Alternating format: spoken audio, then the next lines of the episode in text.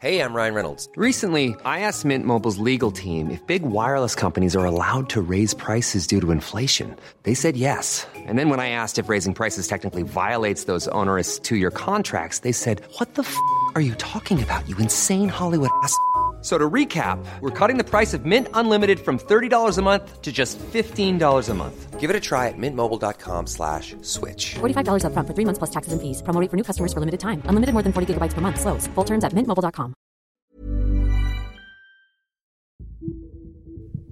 I 2016 blir det født 58 900 barn i Norge. Et av barna heter Tinde. Hun er oppkalt etter mamma og pappas store lidenskap. Toppturer og bestigning av fjell på ski. jeg. 3. mars kommer jenta til verden med et krafthyl. Hun blir født gjennom hastekeisersnitt 16 dager etter termin på Ullevål sykehus i Oslo. Stor og kraftig jente. Mamma Mette og pappa Truls er utslitte, men likevel både lykkelige og letta. Det er en langvarig fødsel med flere komplikasjoner underveis. De har følt seg redde. Hjelp. Jeg holder barnet mitt på å dø her, og ingen merker det, liksom. Jeg var livredd. Skikkelig livredd. Paret rammes av en serie misforståelser og uheldige hendelser. Ja, det eneste man ønsker, er å få ut barnet. Og at det skal gå bra. Eh, og når man på en måte har mistet litt troen på det, da Åh, det jo det er fremdeles vanskelig å snakke om. Men denne historien handler egentlig ikke om drama på fødestua. Det vil si, delvis gjør den det. For det som skjer med den da 29 år gamle Mette Schjelderup før, under og etter fødselen, er vevet sammen i et nett av panikk, smerter og dødsangst. Stor, mørk suppe av redsel.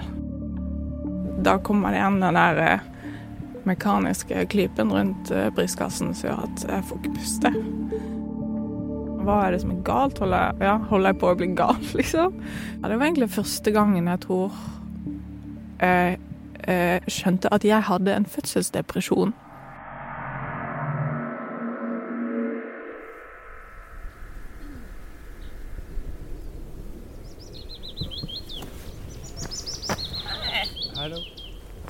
Du fant frem.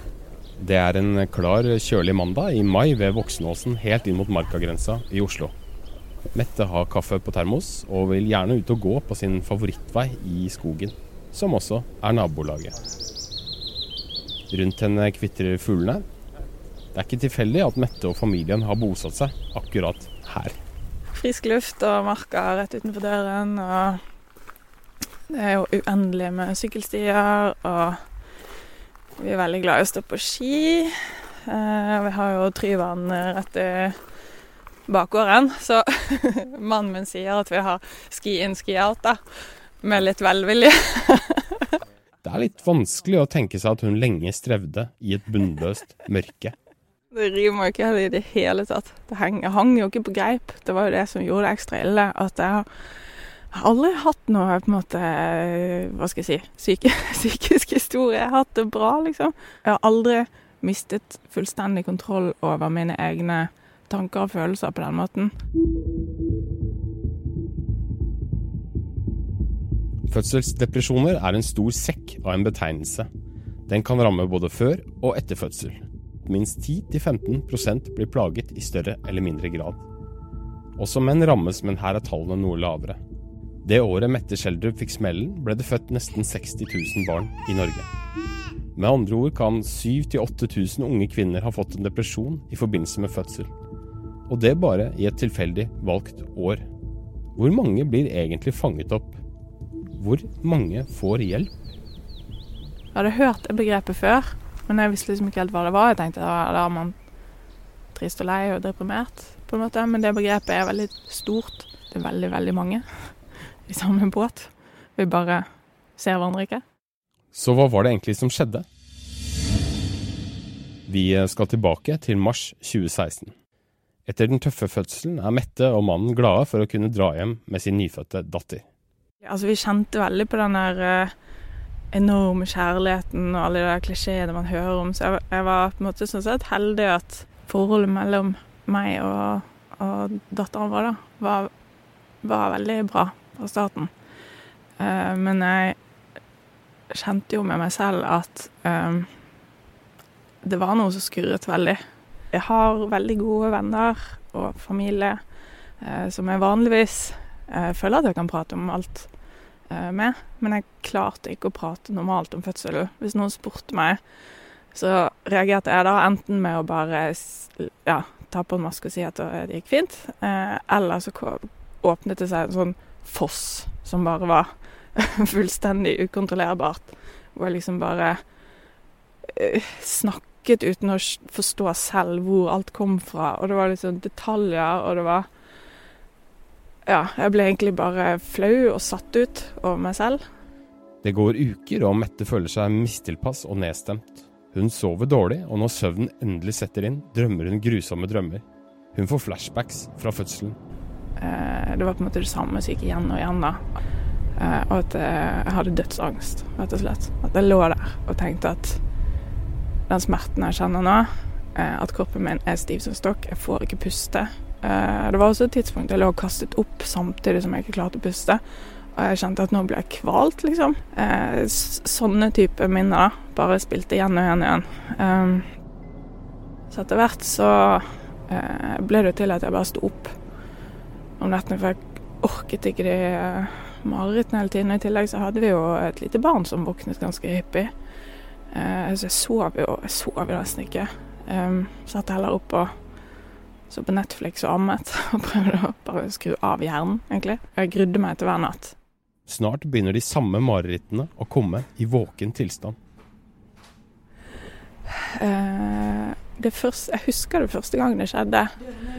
Uh, da sitter jeg på T-banen, og datteren min uh, sover i bæresele på magen min. Og så kommer det inn en, eh, en annen mor med et lite barn i vogn. Og setter seg ved, ved siden av meg og sitter og holder dette barnet. Og bare Det var et eller annet som skjedde. Synet av den lille babyen da, gjorde at jeg bare fikk en sånn voldsom reaksjon. Det var liksom en flodbølge som bare skylte over meg. Uh, og jeg ja, uh, fikk det mest groteske bilder i hodet. Og eh, det snørte seg fullstendig i brystet. Hun skjønner det ikke da, men det Mette opplever på T-baneturen, er et angstanfall. Det blir en vond spiral. Hun får angst for angsten og blir redd for egne reaksjoner. Noia for å rett og slett frike ut i helt vanlige settinger ute blant folk.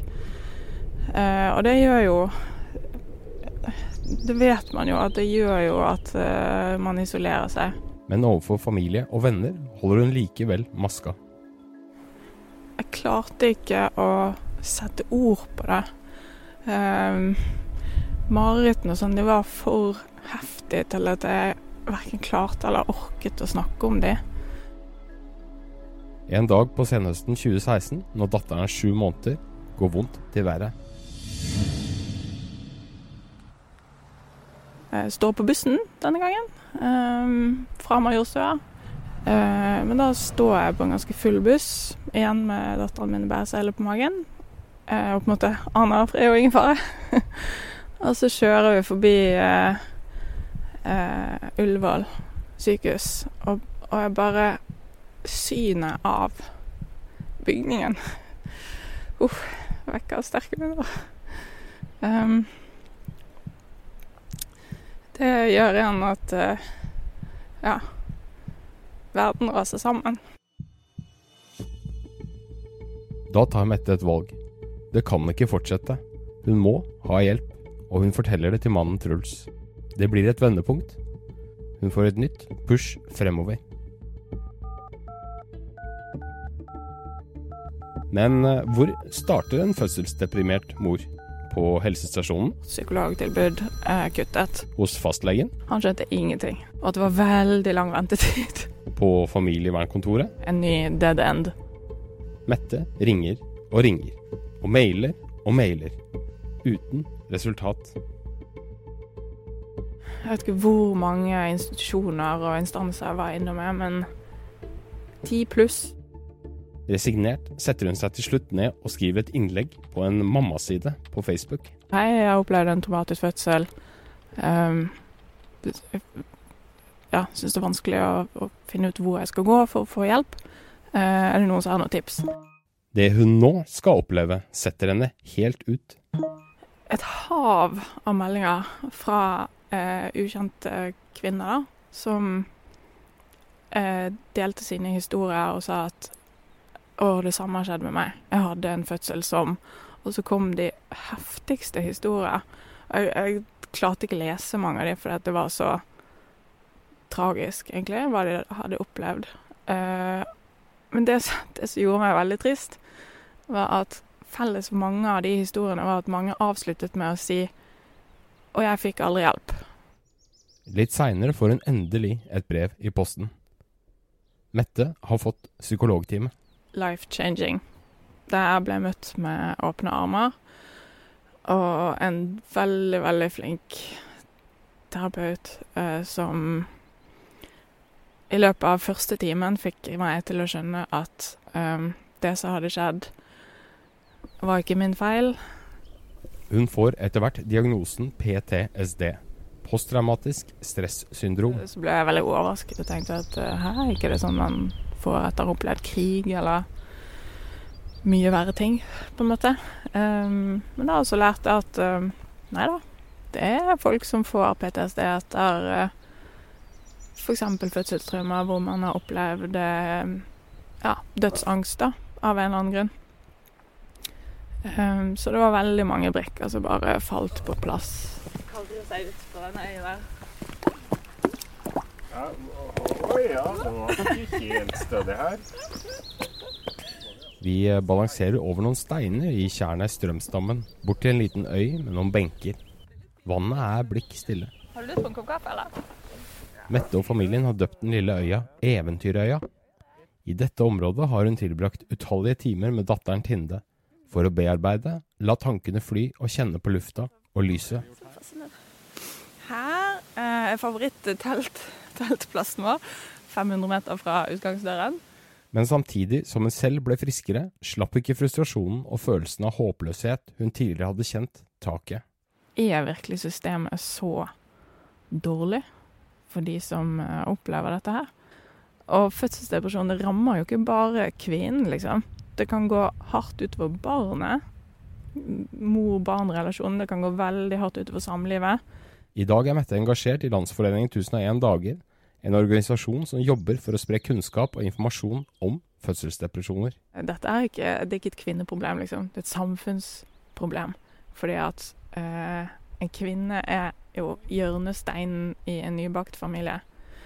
Og hvis tilknytningen mellom henne og barnet eh, går skeis, eh, så kan det få store konsekvenser for hele familien, eh, og igjen da samfunnet.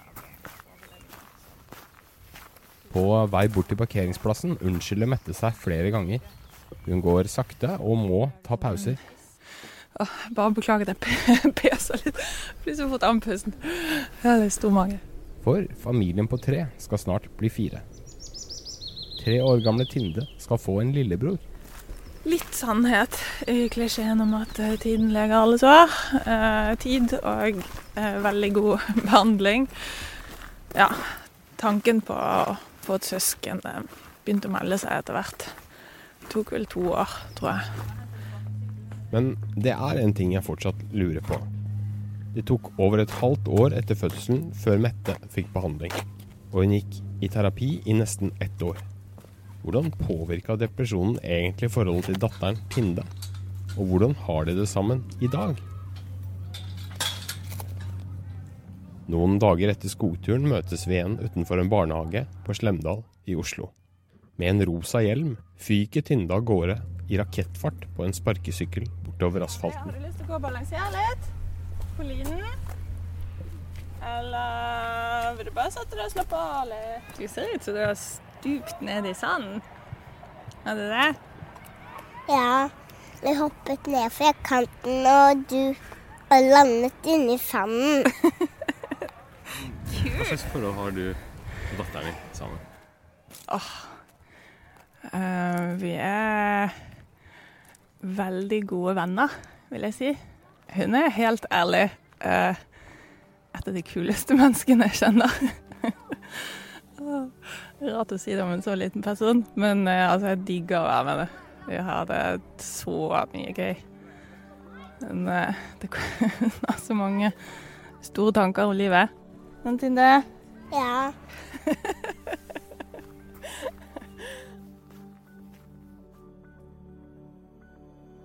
Den som lagde denne reportasjen, det er meg, Bjørn Egil Halvorsen. Bonusepisoden du nettopp hørte, er ment som en prolog til neste episode av Foreldrekoden, som jeg anbefaler at du hører på. Her får du vite mer om fødselsdepresjoner og andre psykiske vansker, og hvordan du best kan håndtere dem uten at det går utover barna og familielivet. Da høres vi snart igjen. Ha det så lenge.